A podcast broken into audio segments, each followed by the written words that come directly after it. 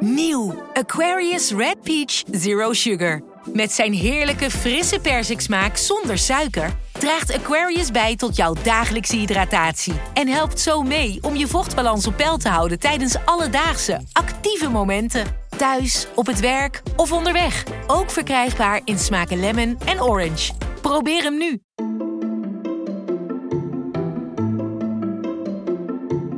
Welkom. Wij zijn Onbehaarde Apen. Dit is een extra podcast van NRC over de Nobelprijs voor scheikunde.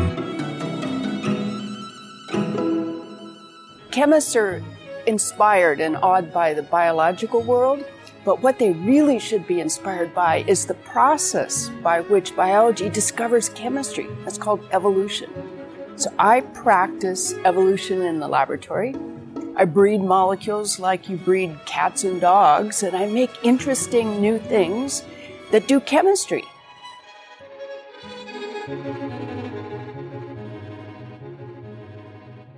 Ja, we hoorden hier niet de bekendmaking van de Nobelprijs, maar Frances Arnold, een van eh, de winnaars, met een eh, leuke metafoor, vond ik zelf. Ze fokt eigenlijk eh, eiwitten, zegt ze. Ehm, ja, daar gaan we het vandaag over hebben, over wat, wat de winnaars hebben gedaan. Maar eerst heb ik nog een vraag voor jou, de luisteraar. Een klein verzoekje. Eh, wij vinden het heel erg leuk om deze podcast te maken, maar we zijn ook heel erg benieuwd naar wat jij van deze podcast vindt. Dus als je ergens in de komende dagen vijf minuutjes tijd hebt, dan zouden we het echt heel erg tof vinden als je een korte enquête invult. En dat kan op nrc.nl/slash podcastonderzoek. Ja, de Nobelprijs voor de scheikunde. Ik heb het overal gezien als evolutie in een reageerbuis. Zo werd het samengevat. En eh, Sander Voormolen, die eh, hier maandag ook al was om over de Nobelprijs voor geneeskunde te praten, die is hier weer. Wat moet ik me daarbij voorstellen? Evolutie in een reageerbuis. Ja, je weet dat evolutie uh, gaat via DNA. DNA verandert. In de natuur gaat dat heel langzaam. Dat duurt miljoenen jaren voordat er een, een nieuw eiwit ontstaat. Ja, het kan soms heel snel gaan, maar meestal duurt het lang. En deze Nobelprijs gaat naar onderzoekers die hebben dat proces versneld. Dus eigenlijk een kunstmatige evolutie in het laboratorium. Maar nog wel op eiwitstadium. Het is niet alsof we al uh, levensvormen uit te reageren. Nee, inderdaad. Ja. Het gaat over eiwitten en antilichaam. Want de, de prijs is in tweeën verdeeld dit jaar. De ene helft gaat naar Frances Arnold. Dat is een, uh, een Amerikaanse vrouw. En de andere helft die wordt dan weer door twee mensen gedeeld. George Smith en uh, Gregory Winter. En dan is de ene een Amerikaan. En, Sir Gregory Winter. Oh ja, heel goed. Dat is Brit, zeker. dat is de Brit. Ja, dat is ja. duidelijk een Brit.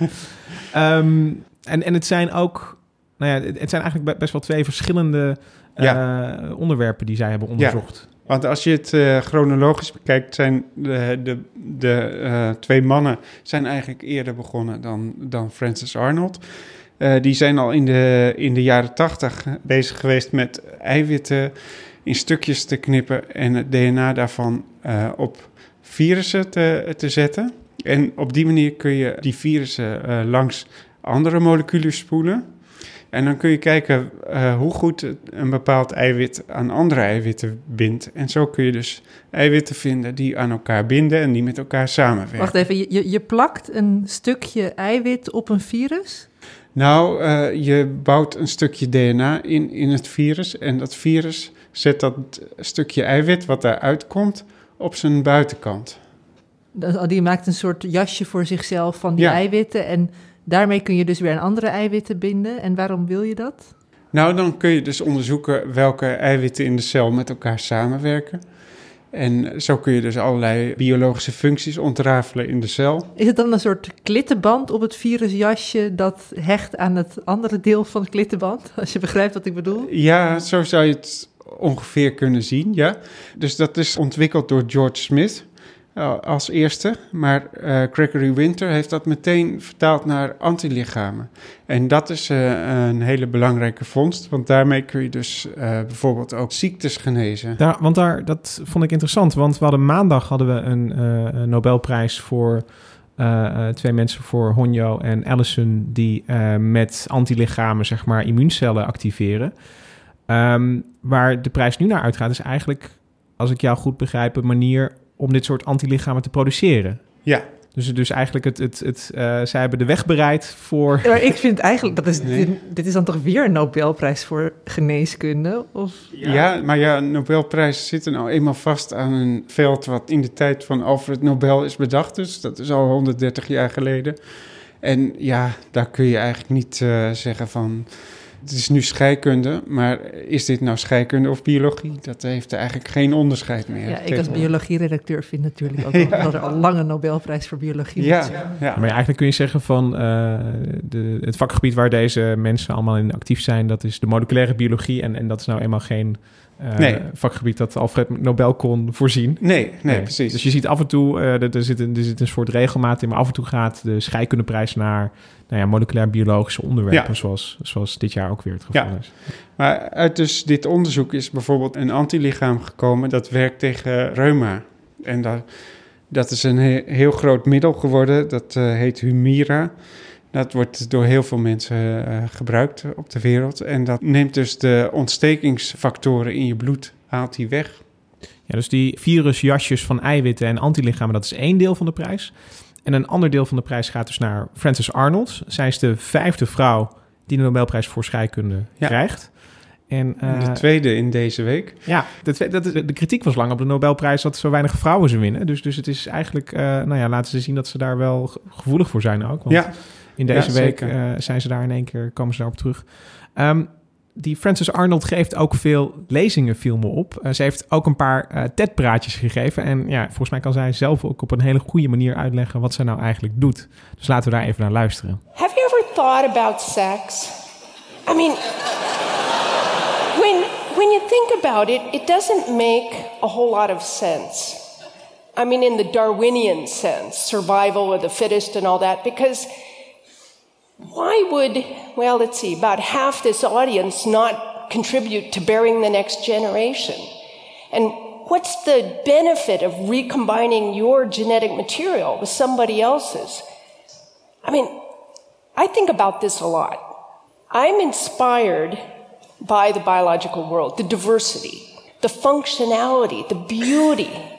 I would like to be able to create things that have these capabilities. I mean, imagine when it comes to extracting energy and materials from the environment and converting those into these amazing, remarkable, self repairing, self reproducing machines, there's nothing like evolution for engineering beautiful objects. Ja, Sander, dat klinkt nogal uh, heftig. Ze vergelijkt haar onderzoek eigenlijk, nou ja, de, manier waarop ze eiwitten uh, genereert, die diversiteit met, met seks. Hoe zit dat precies? Nou, ze is eigenlijk uh, zelf, zelf niet met seks begonnen. Ze is eerst begonnen met de genen waar die eiwitten uit gemaakt worden, om die te muteren. En ze begon dus met een enzym dat ze wilde laten werken in een vloeistof waar ook een oplosmiddel in zat. En dat lukte normaal niet. Maar uh, door dus telkens uh, een stukje DNA te veranderen, lukte dat uiteindelijk wel. En dat is de, de doorbraak waarop ze is gaan voortborduren. En dan op die seks terugkomend. Uh, je kunt ook twee genen in willekeurige volgorde door elkaar husselen. En dan doe je in feite hetzelfde als wat de natuur doet met seks. Je wisselt stukjes DNA uit.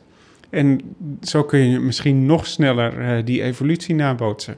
Het fijne als, als bioloog vind ik dat, dat zij heel duidelijk zegt dat zij zich laat inspireren door de natuur. En dat, ja. dat, dat, zie je ook heel, nou ja, veel duidelijker dan die andere twee. Ze zegt ook de beste chemicus is de natuur.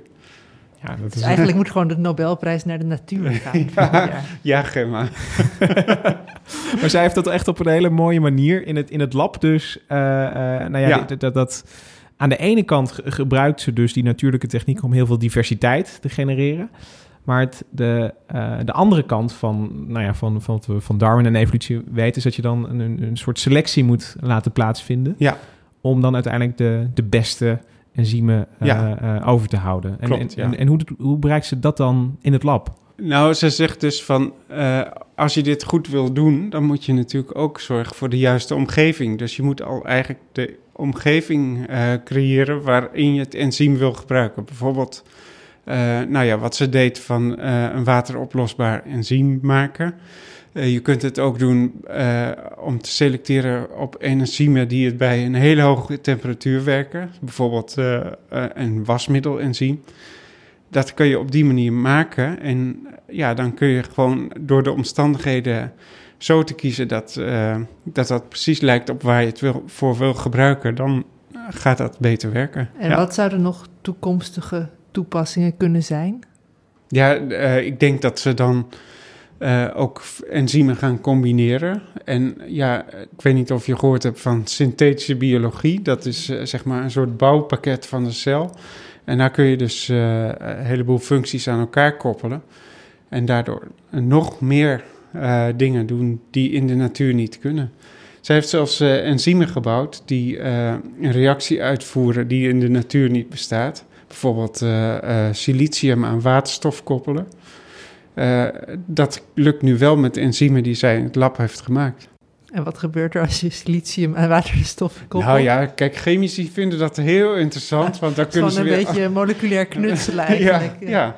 Maar uiteindelijk zijn dat natuurlijk ook stoffen waar ze dan weer een, uh, een nuttige toepassing voor vinden in medicijnen of... Ja, of nieuwe materialen of zo. Ja, precies. Nee, zelf vind ik de, de prijs voor, voor Arnold iets uh, mooier eigenlijk. Dan, ja, uh, zeker. Uh, want daar zit iets meer een idee achter dan het, toch vrij moleculaire werk van, van Smith en Winter. Ja. Um, Oké, ik denk dat dit de Nobelprijs voor scheikunde was. En daarmee zijn we ook aan het einde gekomen van deze miniserie over de Nobelprijzen. Want over de vrede hebben wij niks te zeggen, hè? Nee, ja, er, komen nog twee prijzen aan. De Nobelprijs voor de Vrede komt vrijdag en die voor de economie, officieel geen Nobelprijs, die komt maandag. Maar daar hebben wij als onbehaarde apen nou eenmaal wat minder verstand van.